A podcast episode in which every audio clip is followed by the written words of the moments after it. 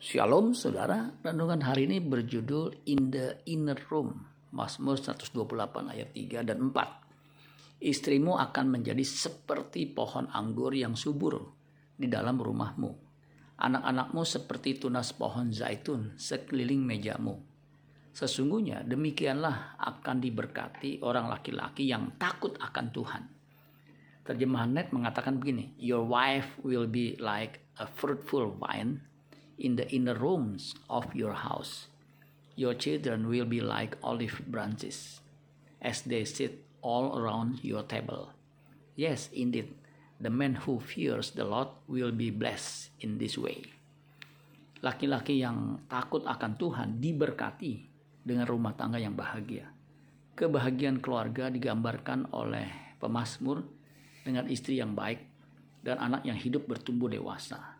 Yang menarik, Istrinya seperti pohon anggur yang berbuah yang ada di dalam sebuah ruang tengah di dalam rumah. Ruangan tengah tersebut bahasa Ibraninya Yereka, artinya in the very heart, di dalam hati. Laki-laki yang beruntung adalah ketika istri berperan sentral dalam rumah tangganya. A husband is perspective of his wife and passionate toward her seorang suami tanggap terhadap istrinya dan penuh gairah terhadapnya. Apa maksudnya? Rasul Paulus menjelaskan lebih detail.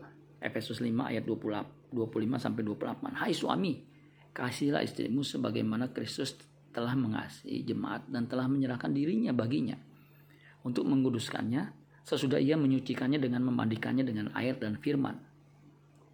Supaya dengan demikian ia menempatkan jemaat di hadapan dirinya dengan cemerlang, tanpa cacat atau kerut atau yang serupa itu.